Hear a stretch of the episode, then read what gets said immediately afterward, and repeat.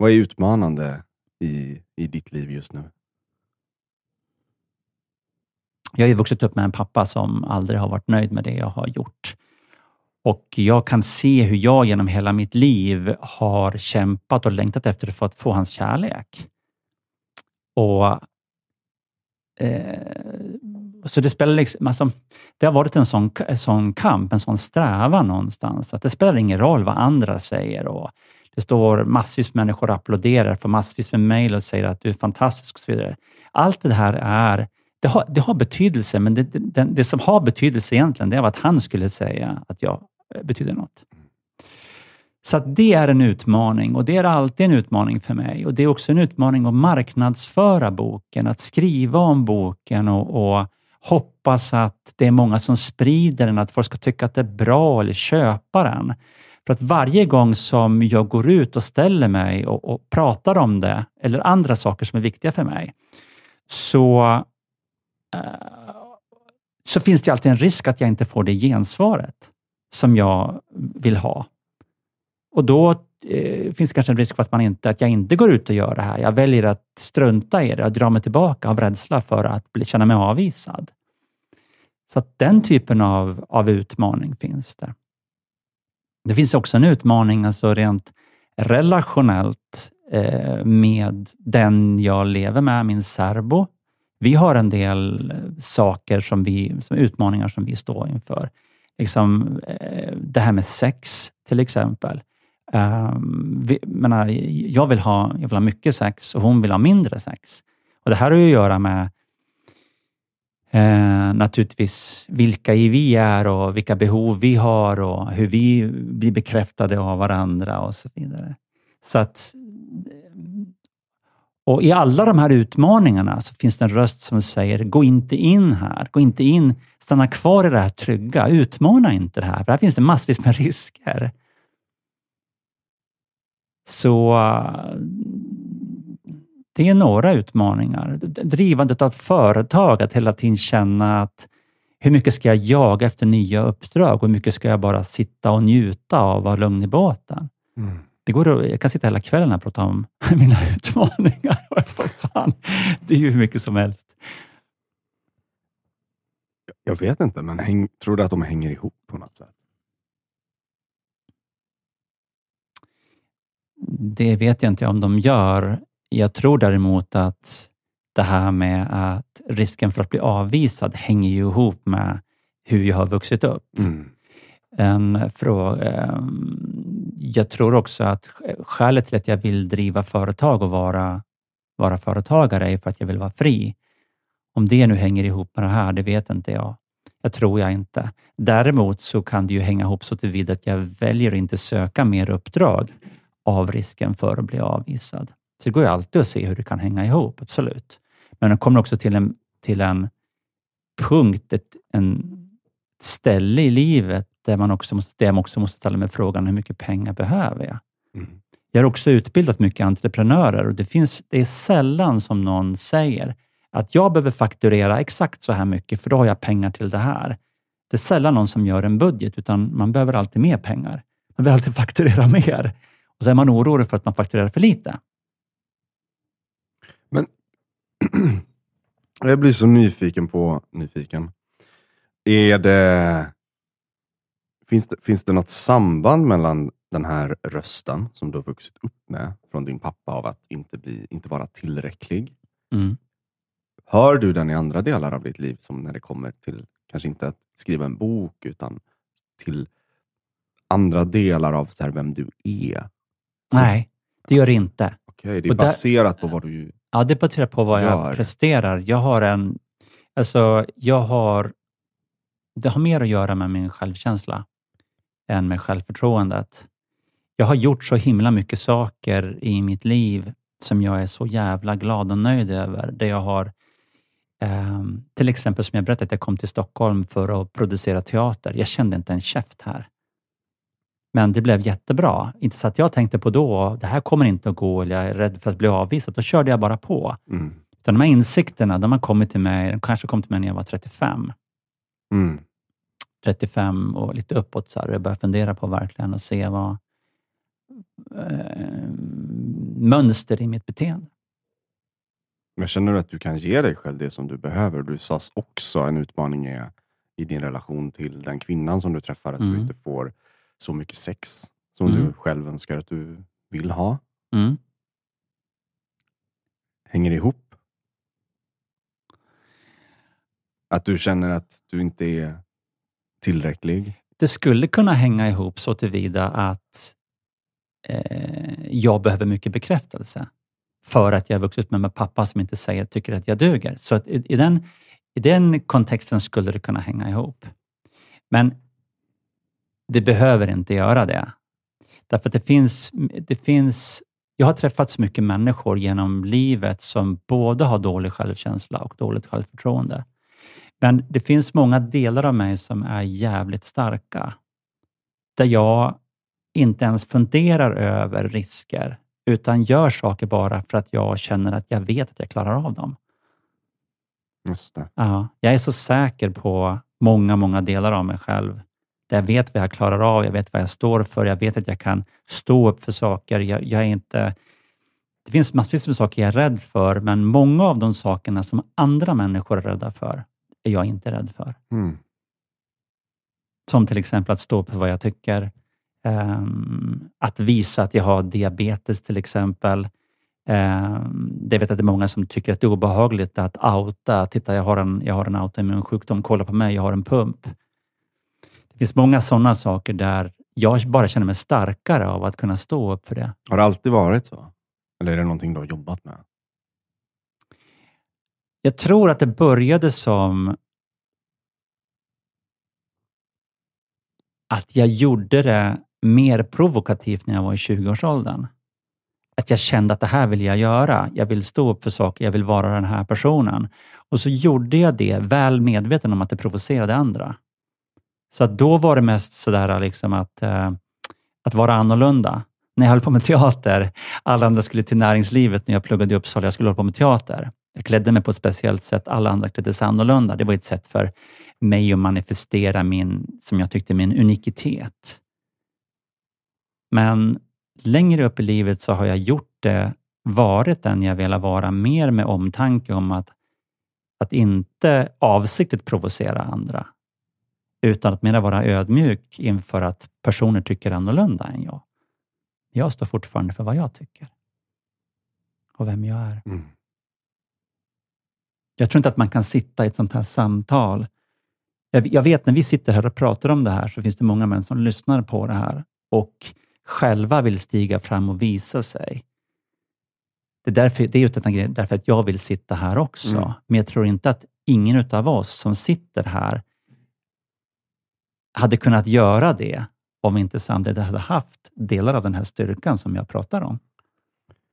Det är, ju, det är ju roligt att du säger det, för jag sitter här med den känslan. Det är nämligen det som är utmanande för mig.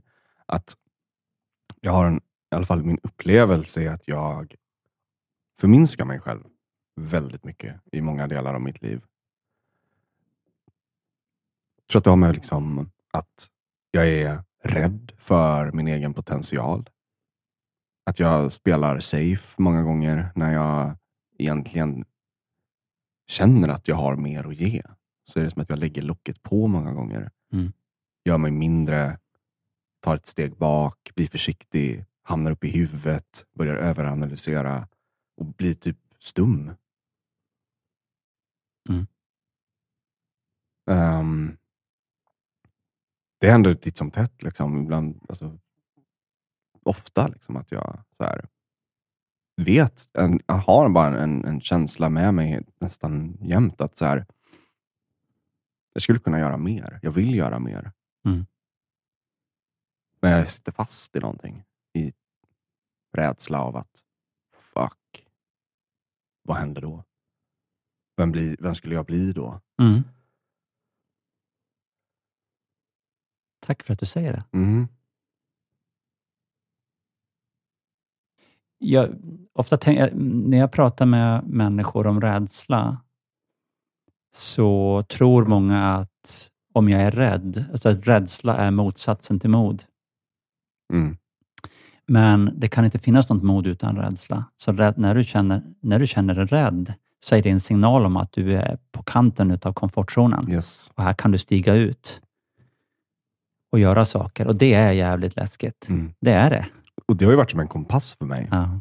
Att när jag känner mig rädd och det känns som att hela kroppen liksom låser sig och jag ändå bara kan koppla tillbaka till typ andningen och bara så här, okej, jag, jag, jag är medveten om att jag är rädd just nu. Och ändå stanna kvar Mm. och göra det ändå. Mm. Jag har lärt mig mycket av det. Jag har vuxit mycket av det. Mm. Att ehm, liksom, ja, rädslan finns där och jag kan ändå på något sätt välja att agera. Mm. Det går. Visst. Mm. Och Sen så ska man också vara medveten om det att ehm, när, man, när man gör det här så är det, det är ganska svårt, jobbigt och krävande att vara utanför komfortzonen hela tiden. Och Då kan man springa i zigzag över gränsen lite grann. Mm. sådär. Mm. Så att man gör någon grej där man utmanar sin rädsla kanske varje dag. Man behöver inte göra det hela tiden, för då, det kan vara för krävande. Va? Mm. Utan göra det ibland. Så att man tänjer lite grann på komfortzonen. Sådär. Mm. Gymnastiserar den lite. Yes. Ja. Mm. Det var, det var läskigt att säga det. Jag känner rädslan kryper fram i mig nu. Och att outa så här, att det finns mer är liksom som att öppna någonting. Alltså att erkänna det högt gör att jag får mindre och mindre att gömma mig bakom också. Mm. Ehm, mm. Det är häftigt. Jag känner själv att när jag sitter och pratar om det här så känner jag mig ganska lugn, men jag känner samtidigt att jag svettas. så att det påverkar naturligtvis. Mm. Mm. Helt klart. Jag känner också igen mig i jättemycket av det ni säger. Eh, när du ställer frågan så blev jag bara så här, jaha, hur ska jag ta mig från hybris till att tänka på vad som faktiskt utmanar mig just nu? Liksom. Eh, för, för det finns någonting i den känslan som döljer väldigt mycket. Och ibland så kan jag definitivt eh, gå upp och flyga för nära solen för att dölja att jag har några problem överhuvudtaget. Och Mm. jag kan höra mitt ego bara eh, säga saker, så, här, alltså, så jävla irriterande det här. Jag gör ju allting perfekt, så varför kan inte alla andra, du vet. Um, och det spelar ingen roll om det har med dating att göra, jobbsituationer, med kompisar. Och jag kommer på mig själv att så här, uh, ibland så flyger jag lite för nära solen. Så här, alltså fan, varför är alla så jävla irriterande på det här sättet? Var, varför ska jag behöva deala med det här? Men det är ju bara ett förstärkande att, att uh, dels så kan det vara att jag inte har energi att ta tag i saker och ting. Men det kan också dels vara att eh, jag försöker knuffa ut en del av mig själv. Säga att jag har haft ett beteende väldigt länge. Säga att jag ringer en kompis och, och um, um, är, tjatar om samma ämne om och om igen för att jag är lite besatt av det. Um, det kan vara att, uh, ja men säg dating. Liksom. Eh, och jag har träffat uh, tjejer och, och utfallet blir detsamma hela tiden. Och, och så är jag så besatt kring det här ämnet. Men sen när jag har löst det där och bara du vet, grindat ganska länge, gått igenom att så här, åh, fan. Sen har jag löst det på något sätt, alltså löst det på så vis att så här, nu är det någonting annat som är utmanande. För det är alltid någonting som är utmanande. Um, då kan jag bli lite så här arrogant en stund. Så här, för att vila, gissar jag. En gissning, ta det inte som en sanning. Um, och så är jag arrogant en stund och så bara, alltså, vad, vad är problemet? Varför ska alla ha problem med det här? Liksom, bara för att jag har löst det. Och då blir det nästan att jag gottar mig lite i, eh, i det. Mm. Så det här med att flyga för nära solen eller känna den här hybrisen. Hybrisen kan vara skönt. Det är helt okej ibland. Eh, men landningen kan bli lite jobbig. Eh, för då kommer saker i kappen och då tänker man, det är som att ha haft en dålig fylla där, där du har gjort en massa saker kvällen innan och varit asskön enligt dig just då. Och sen dagen efter så bara, ah, sa jag verkligen det där liksom? Och jag kan ha långa perioder av det. Så det här är, det här är någonting jag utmanas av just nu. Att jag har landat från en ganska lång sån period och det har hänt väldigt mycket um, på den tiden. Så nu utmanas jag av, vad var det jag sa egentligen? Uh, uh, var det där verkligen sant? Kommer den relationen vara kvar? Eller det bara en, en röra av att ha, det har gått bra ett tag, liksom, i Mm. känslan. Mm. Nästan att vara, alltså, vara, vara kär i livet över flera veckor. Liksom. Så det utmanas jag av. Så nu försöker jag trivas i att ha tråkigt. Och det går inget bra. För jag har nya idéer hela tiden hur jag ska lösa min uttråkan. Det vill säga att inte möta det som utmanar mig. Ehm. Mm. Det blev en lite lång utläggning där. Mm. Hur, hur känns det att prata om det?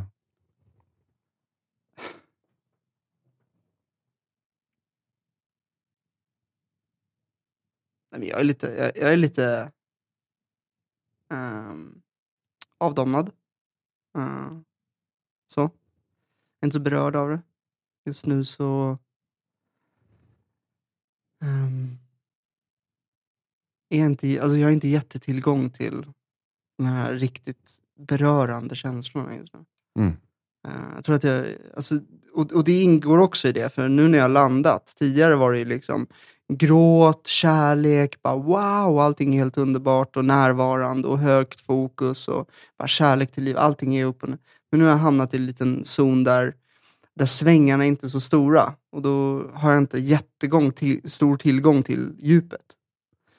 Jag kommer ihåg, vi, vi hade ju ett samtal här för en månad sedan, när vi satt och pratade och Alltså det tog ju två timmar för mig att landa efter det samtalet. För det har sån hög frekvens på något vis. För mig i alla fall. Mm. Jag, jag upplevde att det var så jäkla så här, eh, skön känsla. Och eh, dagen efter, eh, två dagar efter, jag hade kunnat tappa in i det igen på en gång. Ehm, men nu, nu behöver jag vila, tror jag. Så nu är inte svängarna så hårda. Ehm, men jag mår bra. Det är bara att det inte svänger lika mycket. Så jag ska försöka trivas och vara lite uttråkad. Men är det jobbigt om att erkänna det? Är det jobbigt att andra kan se dig i det? Att du är, att du, att du är rädd för att du är tråkig? Jo, men lite jobbigt är det, men jag är ganska bra på att bara ta nålen och spräcka den här ballongen. Bara ringa en kompis och bara säga, var jag ett rövhål som, som eh, så här, var så självgod den kvällen? Så här. Nej, det var skönt att säga det. Så, ah, usch, skönt. Eller så här, fan jag har lite ångest över att eh, jag sa sådär. Jag, det känns inte sant idag. Eh, hur känner du? Så här, ah, nej, jag brydde mig inte så mycket. Alltså, vi är ju rätt självupptagna Mm. i slutändan. Och vi tror ju att saker påverkar människor mer än vad de gör. Eh, I alla fall när det kommer till de här negativa sakerna. Eh, men jag skulle säga att någonting som påverkar folk på riktigt, det är de här positiva sakerna. Så bara, Mm. I alla fall när det kommer från hjärtat. Så jag försöker lägga krut på så här. I alla fall bli bättre på att um, skicka, alltså ösa kärlek på ditten och datten.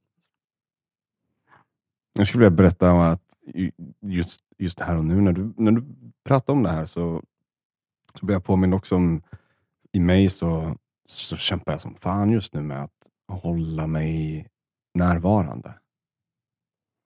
Jag märker att jag åker ut och in ur närvaro. Som att jag liksom får anstränga mig för att så här stanna kvar. Det är någonting som vill hålla tillbaka, stänga dörren. Och Det har varit så några dagar nu. Där jag, efter, från att ha varit utmanat mig själv ganska mycket. Så här, jag har lagt ut vissa grejer på, på nätet där jag pratat ganska öppet och liksom varit i så här, sammanhang och samtal med, med andra människor där jag liksom har försökt vara väldigt ärlig med, med hur jag mår och vad som pågår i mig. Och efter det så har det blivit som att någonting vill så här. Jag vill inte fortsätta vara så, så öppen.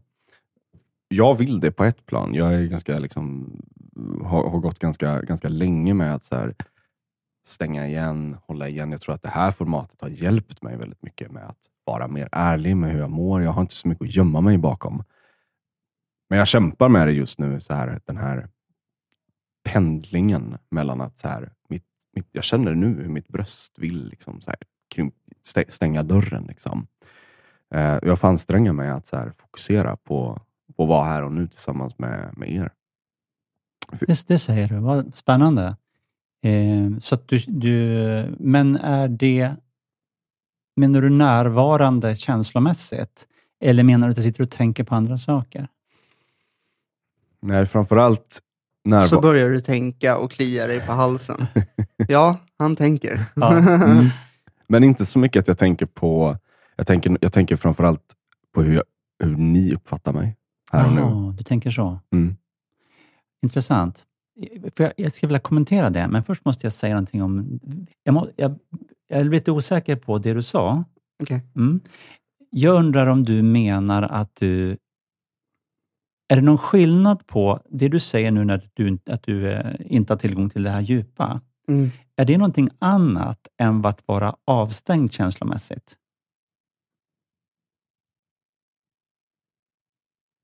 Om det är något annat. Ja, eller är det samma sak? Nej, men jag, jag tror... Okej. Jag vet inte om det här är sant. Jag bara chansar. Mm.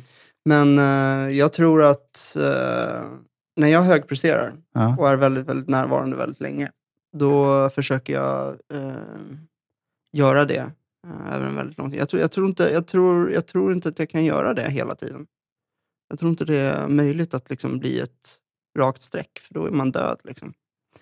Mm. Ehm, så när jag har en, en bra period av högt flow, eh, saker rullar på, det är intressant, eh, det är spännande.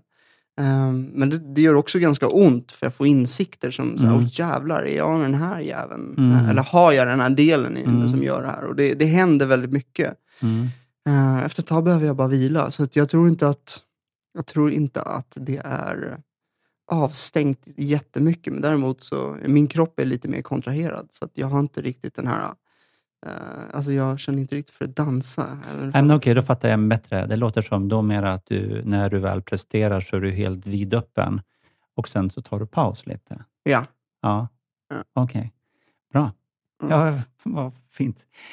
Ehm, jag tycker det är spännande att du säger hur vi uppfattar dig. För att Mm. den här konstellationen, när vi sitter här vi tre, så har vi aldrig setts så här förut någon gång. Som jag sa när jag såg dig, gud vad lång du är. Mm. Eh, för att man, jag vet inte vad man får för en uppfattning. Alla är lika långa eller korta när man sitter framför en Zoom. Mm. så. Ehm, jag, jag tänker att eh, när jag hör dig prata så uppfattar jag dig som väldigt ärlig och väldigt angelägen om att vara ärlig. Det, det är mitt intryck ifrån dig. Det jag har Mm. angelägen om att vara närvarande och Mm. ärlig. Ja, och det har jag nog tagit till mig från att ha blivit ljugen för Jaha. väldigt mycket i min uppväxt och sådär.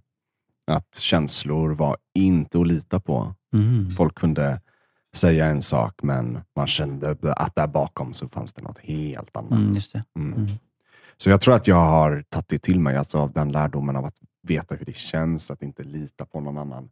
Ehm, så är det nog jätte, har det varit jätteviktigt för mig att ehm, försöka vara så ärlig jag kan. Och jag kan, jag är, jag är skitdålig på att ljuga Mm. om, det, om, om, om hur jag mår och sådana här saker. Liksom. Vad som pågår i mig. Det, det är hopplöst. Men Du, du, du, du berättar om det ungefär som det vore någon nackdel. Ja, precis. Det är Ja. ju toppen. Ja, det är topp. Det, Till, tills man inser att det är toppen. det, det är topp. Jag menar att det, det kan vara det, det, det känns väldigt utlämnande Mm. och, och det, det känns väldigt naket. Liksom. Men jag, jag, jag, jag, jag, vill inte vara utan det heller. Jag, jag förstår vad du menar. att Det, det är toppen, absolut. Ehm, men läskigt. Jag tycker att det är en skillnad på att göra det och stå upp för det. Mm. Därför då, då, då signalerar du ju styrka, än att försöka låtsas om som att det inte syn, eh, märks, syns. Det är då det blir oärligt. Då blir det oärligt. Mm. För så gjorde jag jättemycket när jag var alltså, liten, eller liten när jag var 20. Så eh, alla de här obekväma känslorna försökte jag dölja. Jag hade dem för mina kompisar, för vänner, men för kvinnor så vågade jag ju inte visa dem. Därför att då blev jag ju kompis med allihopa. Jag var ju så öppen och ärlig och bra. Jag var kompis med alla. Det vill jag inte. Jag vill ju ha relation, jag vill ha sex. Och mysa med dem. Men Jag blev världens bästa kompis istället. Och det mest nedlåtande som jag någonsin har hört, det är en kvinna som säger, du, tänk dig en tjej som får dig. Fan vad hon kommer bli lycklig. är inte det? Det är så jävla, vilken, alltså det, vilken jävla smäll. Liksom. Så att jag menar på att alla de här känslorna som du har och som du känner, Mm. att stå upp för dem, att så här är det. Jag känner så här. Mm. Och då får du, du blir så mycket bra förebild för andra. Som, det är det, så kan du påverka och förändra andra människor. Men Mm. vara den här förebilden. Mm. Skitbra. Tack. Sen är det också så här, är det inte det check-in handlar om egentligen? Jo. Alltså man checkar in och så vet man vart alla står, så att vi vet vad vi tittar på. Vad tittar jag på egentligen? Jag tittar på någon som kommer från den här platsen, som har haft det här som har hänt idag. Eller, det är det check-inen handlar om. Kan du inte beskriva det lite mer bara för, om det är någon som inte aldrig har gjort en incheckning just? Just vad det är, alltså check-in. Vad, vad menar Ja. du med det? Jo, nej men, alltså jag gör det ofta med vänner också. Alltså Mm. Det kan bli att jag ringer upp en polare och sen har jag ingen större anledning egentligen att ringa, men jag bara ringer för att checka in. Eller om jag har en, en, en anledning att ringa honom så bara, eh, liksom, ja men hur ser det ut idag, vad händer? Eh, Kolla hur- läget. Ja, hur är läget? Ja. Då vet du vem du pratar med. Mm. För vem, om du pratar med mig imorgon kommer det troligtvis vara en helt annan person. Eh, för att jag kanske har slagit tån i en uh, skohylla. Ehm, eller vad som helst. Eh, och då, då ändras allting. För med mitt humör så ändras också hur jag ser på min historia, hur jag ser Mm. om jag är optimistisk för framtiden. Eh, och det ändrar också hur jag ser på andra människor. Um, någonting som jag sa när jag jobbade på gym som personlig tränare, det var att eh, det var väldigt många som, som sa så här, "Ah, men vad ska folk tycka om jag bara klarar den här vikten? Eller, eller om jag bara såg en hint av att de brydde sig om vad omgivningen... Alltså så här, hörru, jag vill bara påminna om att alla i det här rummet är så upptagna med att undra vad andra tycker om dem, så de kommer inte titta på dig. Så Just funkar det, vi. Just det. Mm. Så att för mig blir det, när man berättar så här, ja, men hur jag känner just nu eller vart jag är så här. Säger det bara så har vi det undan, alltså så, här, så har vi det ur vägen så vi faktiskt kan snacka om grejerna vi vill snacka om. Uh, för slutändan är det lite självupptaget och det är vi alla. Men vi vill bara få undan det så vi vet vem vi pratar med, så vi kan sluta vara upptagna och sen kan vi få saker Mm. gjort eller få intressanta samtal och, och liksom bubbla fram. Mm. Ehm, Men vet dina kompisar om att när du säger ”tjena, hur är läget?” Att det betyder ”hur mår du egentligen?” ja, För att det är ju en helt annan grej. För att hur är läget är också en artighetsfras. Jo, det är bra. jag hör om de försöker. Ja, ja, det är klart att du gör. Mm. Att du hör. Men vet de om att den frågan du ställer inte är en artighetsfras, utan att den, den är en fråga? Jag har jobbat på amerikanska ambassaden. Okej. Jag är immuniserad mot Hey, how are you doing? Ja, som en det. Artighetsfras. just det. Jag Ja. blir förbannad på Mm, folk som gör så. mm, Och jag ber dem okej. lägga av. Mm. Jag vill prata med en människa, jag vill Mm. inte prata med en fucking docka. Okej. Uh, alltså, Ja. jag, jag blir riktigt frustrerad på Så dina kompisar har lärt sig att när du säger det, då menar du på riktigt. Ja. Hur mår du? Och jag kollar ut dem om Mm, de ja, håller just på det. och liksom, ah, du vet, allting går bra, bla bla bla. Jag bara, Mm. okej, men du behöver inte prata med mig på några dagar om inte jag vill prata med en riktig människa. Mm. Ja, men jag håller helt med. Det är Ja. skitfrustrerande. Det Ja. är det jag menar med att det är något oärligt. Alltså, det- man känner ju det, det med Ja. en gång. Man säger att det är en sak, men så märker man. På Men har ni, inte, har ni inte olika vänner? För jag har väldigt, väldigt många olika kompisar som, till, som liksom tillför olika saker i mitt liv. Och ibland så när jag pratar med dem säger jag, hej, hur, hur, hur, är läget? Och så säger de, jo det är bra. Och sen så pratar man ett tag om lite saker och sen så kan man säga, ja men hur är det, e-, hur är det egentligen? Så att ibland för vissa personer så uppfattar de det som en artighetsfras. Jag kan reagera som du, Viktor, att jag vet att det här är någonting som de säger bara för att man... Jag menar, det finns länder i Afrika där man har fem, sex olika sådana här hälsningsartighetsfraser. Hej, hur är läget? Jo, det är bra. Hur är det med familjen och hur mår dottern och alltihop? Och det, det är någonting man gör som ett sätt att connecta. Och sen beroende på hur mycket man känner varandra så kanske man ställer då man kanske blir liksom intimare med att tala om hur det verkligen är. Och Jag har vissa vänner som säger på en gång hur det är. och andra som, vän, som jag måste få... Vi måste liksom landa lite grann i samtalet innan de berättar. Så det kan jag se ett värde i att folk är lite olika. Ja. Ja, jag håller med. Alltså, det är ju väldigt kulturellt olika. Alltså, Börja resa i världen så fattar du att vi funkar helt olika på det Ja. sättet. Och dessutom, när jag säger att jag kollar ut deras bullshit, det är inte så att jag beter mig likadant mot varje människa jag har i mitt liv. Eh, det skulle vara omänskligt. så Ja. att, eh, eh, jag har ju en jargong med varje människa jag träffar.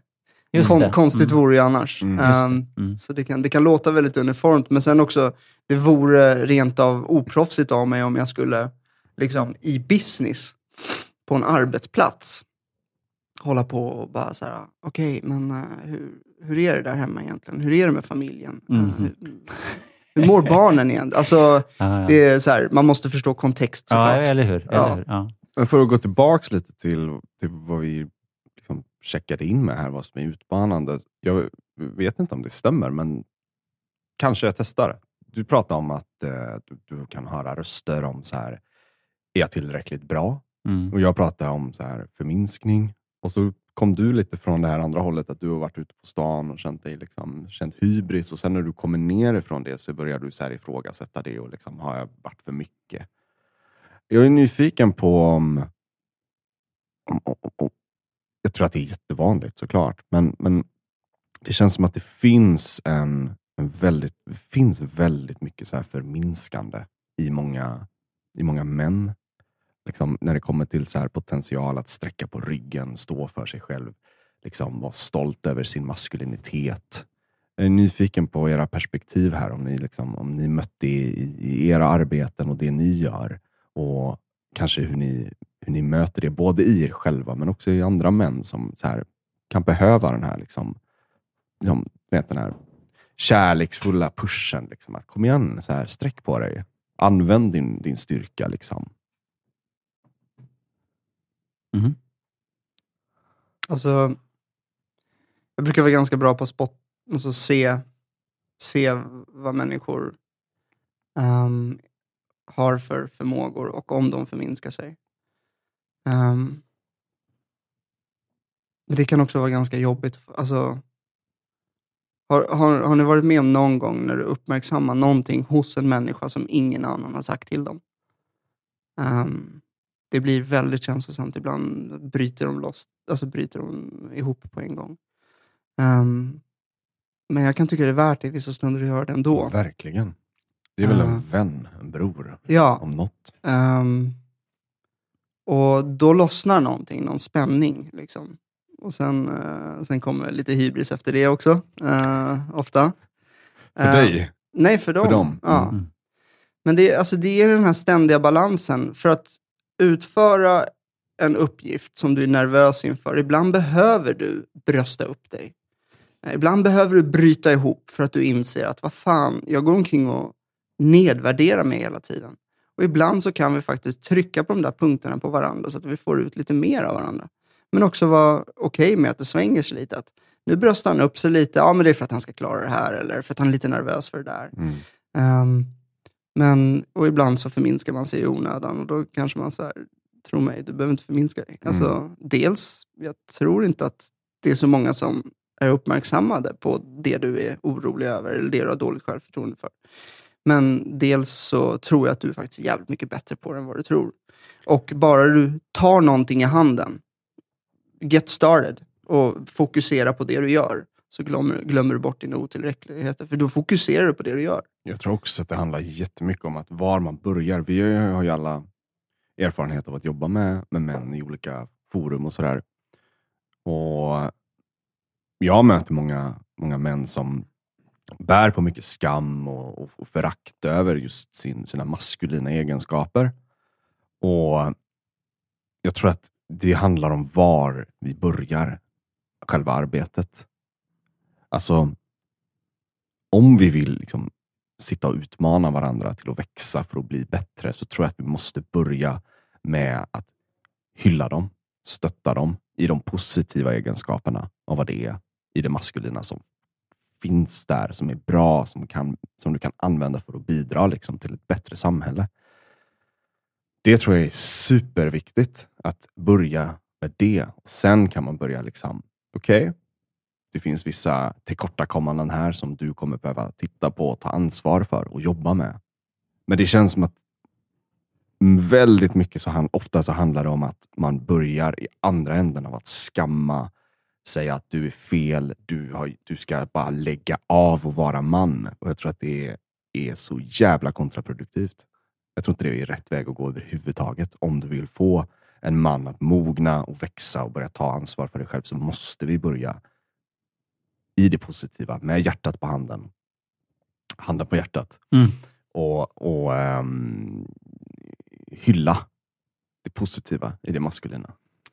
Eh, det var därför som jag ville hålla på med internationella mansdagen, för jag tycker att det var så enkla eh, saker som det handlade om. Att, upp, att uppmärksamma det positiva som män gör i samhället. Hitta manliga bra förebilder och uppmärksamma dem. Jag tänkte på det här med att, eh, att peppa varandra och som du sa Viktor, att eh, se det positiva, att du kan mer än du, du tror. Och jag, jag, tänkte på direkt när ni började prata om det här, att om, om ingen dunkar dig själv i ryggen, då måste du slå dig själv för bröstet. Mm. Och det, jag, jag, tänker att eh, just idag som är det, jag ser många män som skäms över att de är män och skäms över att de är män bland andra män och tar på sig kollektivt straff någonstans över vad, vad män, vad vi är beredda att göra med våra testosteron och alla de här sakerna. Ja, det här eh, liksom toxisk maskulinitet. Ja, precis, jag precis. är så jävla trött på det begreppet. Ja, vem, vem är inte det? Alltså det blir på något vis, det finns ingen kvinna som vill leva med en man som tycker att det är någonting fel med att vara man. Utan någonstans så måste vi se vad det är som vi gör som är bra och stå upp för det. Det här tycker vi är bra, det här är jag bra på, det här vill jag förmedla, det här är jag. Mm. Det, det, kommer inte att gå annars. Och Sen så måste vi hitta sätt att samarbeta naturligtvis på ett sätt som är bra, men allt det här, det här eh, kollektiva skuldbeläggandet eh, är bara destruktivt. Men jag tror också att många män som jamar med i det här, ja men det är fel att vara man och det är så dåligt och, och, och slå på sig själva. Indirekt och kanske omedvetet gör man det här för att bli uppmärksammad av kvinnor.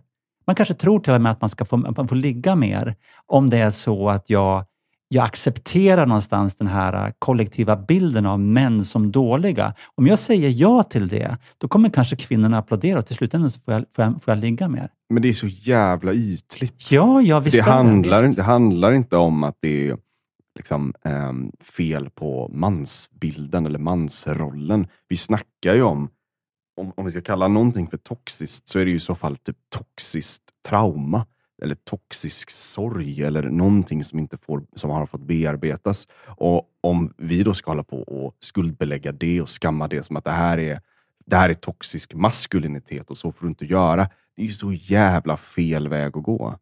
Det kommer ju inte lösa den mannens problem som sitter i skam och rädslor och smärta att mm. liksom komma ut och, och, och, börja bearbeta det. Du låser ju bara ja. det ännu mer. Precis.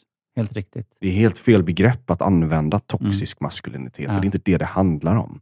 Nej, men hela jämställdhetspolitiken som är idag utgår ju enbart från kvinnors levda erfarenhet.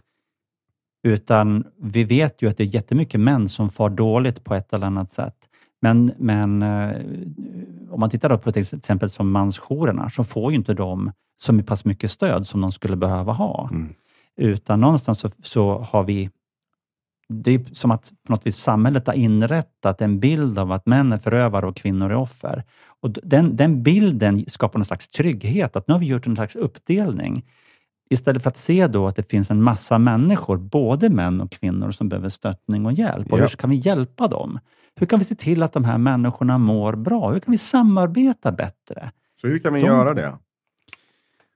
Hur vi kan göra det? Mm. Ja, först och främst så måste jämställdhetspolitiken vara jämställd. Den måste utgå från alla människor, både män och kvinnor. Det är det första. Att vi ser till att eh, män som mår dåligt får, får stöttning. Att, vi, att eh, mansjourerna får mer, får mer pengar. Eh, att vi eh, ändrar det här begreppet mäns våld mot kvinnor. Självklart så ska vi eh, se till att minska det, men vi måste också se att egentligen ska det heta relationsvåld, därför att eh, kvinnors våld mot kvinnor, det, rubrik, det ska också gå under rubriken mäns våld mot kvinnor, vilket är helt vansinnigt. När, när kvinnor slår män eller när vi har hedersvåld, så rubriceras det också mäns våld mot kvinnor. Det innebär att oavsett vem som slåss eller vem som är inblandad, så är det alltid en man som får skulden för det här, även när två kvinnor slåss. Det är helt vansinnigt. Så hela politiken som handlar om jämställdhet måste bli könsneutral. Vi måste ha könsneutrala lagar. Det finns massvis med saker att göra på det här området. Jag håller med. Mm. Helt och hållet. Jag tror det börjar, börjar med eh, oss själva generellt. Alltså, dels är det också så här, det finns en anledning till att historiskt så har det alltid hittat stora grupper av män. I Mellanöstern kallar man sig bröder, du vet, ni kallar er storebror, ni säger ja, men, hej bror och så vidare. Um, det har funnits historiskt brödraskap, alltid, jämt och ständigt. Och en man är inte starkare än uh, de bröder han omger sig med. Så dels så börjar vi där. Uh, för att människor, alltså män behöver börja ta hand om varandra. För det finns inte en chans i världen att en uh, ensam utelämnad man kan ta hand om en, uh, mam alltså en mamma till sitt barn och sina barn på ett konstruktivt sätt utan att ha uppbackning av ett gäng. Det spelar ingen roll om det är ett fotbollslag. Det är jättemånga liksom i de här, uh, jättemånga som har kompisarna kvar från fotbollslaget resten Mm. av livet. Mm. Hockeylag, mc-klubb för gubbarna. Um, om du håller på med mansarbete och löser det den vägen, det spelar, alltså, spelar ingen roll hur du gör det. Det, det, det kan vara liksom um, branschorganisation i, i den branschen du håller på med. Det Mm. finns, fanns loger för. Mm. Jag har ingenting emot om det där kommer tillbaka. Uh, feministerna skulle, alltså, radikalfeministerna skulle väl skrika när det är så här, ah, de stänger in sig i rum och skapar maktstrukturer, men det är inte det det är. Det är, det är stabilitet. Det är någonting som sätter en grund på den marken vi står på. Det gör kvinnor trygga, det gör män trygga. De där banden måste återupprättas igen. Uh, vi behöver skaffa riktiga relationer mellan män till att börja med. Det är där det måste börja. Så att brödraskap är inte något fult. Uh, och jag tror att där, där, där börjar man. Skaffa lite vänner. Mm. Riktiga vänner. Mm. Som ställer upp. Och utmanar dem. Väx tillsammans. Mm.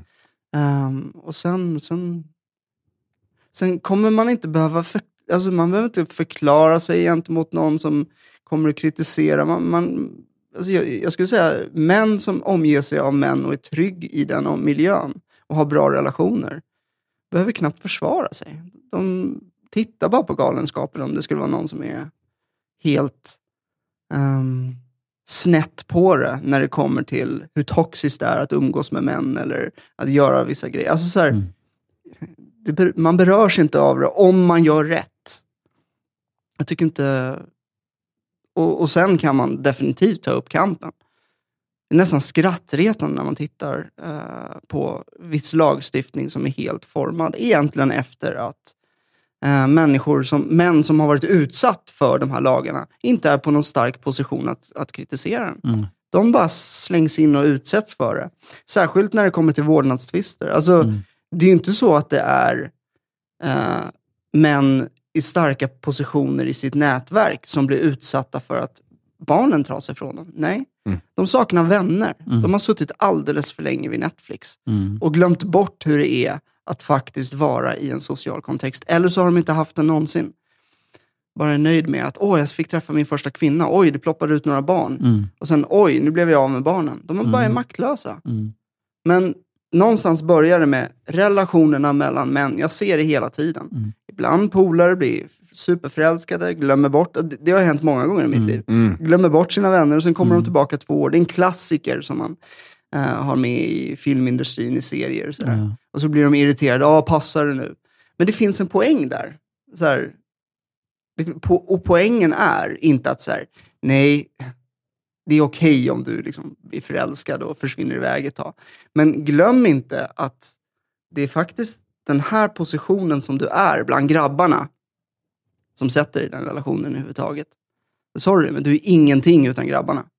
Och det, om du har varit och festat någonstans eh, utomlands, eh, alltså du är ingenting utan grabbarna.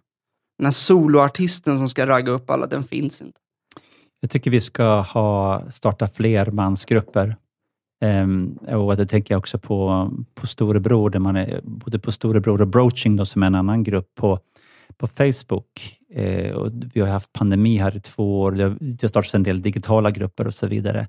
Jag tycker att vi ska försöka träna män till att bli ledare för mansgrupper. Jag leder själv två mansgrupper. Och Det är inget märkvärdigt att leda en mansgrupp, utan det, är ju, det finns ett par saker man behöver tänka på för att kunna göra det. Eh, därför att vi har en tendens, män rent generellt, att tro att vi är att ensam är stark och att vi, vi vill gärna inte berätta om obekväma saker, därför att då kanske någon tror att jag är svag och så vidare. Och här ligger en jättestor styrka att träna, hjälpa andra att bli medvetna om dem och, och bli närvarande till de känslor de har och bekräfta det i dem för att bygga nätverk och Mm. bygga manligheten stark. Yes. Mm. Så för dig, den som lyssnar, så, så finns ju flera forum där ute just nu. Det finns Storebror, det finns Broaching, sa du, och det finns Under Kevlaret, Mankind. Och är det så att du är, nyfiken och intresserad av att starta en egen mansgrupp så kan du höra av dig till man pratar med varandra, gmail.com, så kommer vi att hjälpa dig och hur du gör, hur du går tillväga helt enkelt för att sätta upp en mansgrupp. Det finns protokoll för det och hur man leder dem. Jättebra eh, förslag där att just led, hjälpa män att börja leda Mm. mansgrupper. Mm. Tack för det. Varsågod. Får jag bara avsluta med en liten grej också? Absolut. Eh, män eh, organiserar sig kring projekt. Så att, att börja start, att starta en mansgrupp, absolut till en början. Men eh, om det ska funka i längden, vi måste hitta på saker tillsammans. Jag fjällvandrar med ett gäng. Eh, jag jobbar med andra gäng. Eh, jag, ser till att det finns någonting som binder oss samman. För finns inte det, då eh, kommer den här kommer de här känslorna bubbla upp. Så här, varför har den inte av sig? Men det är helt onaturligt att sätta sig och fika med vänner. med, med vän. Det är inte alls... det, det gör man om man är ensam. Men du vill komma till en plats där du inte umgås för att du, ska vara en, för att du är ensam. Du vill komma till en plats där du umgås för att det är din natur. Jämt och ständigt. Och det ska alltid vara någon aktivitet däremellan.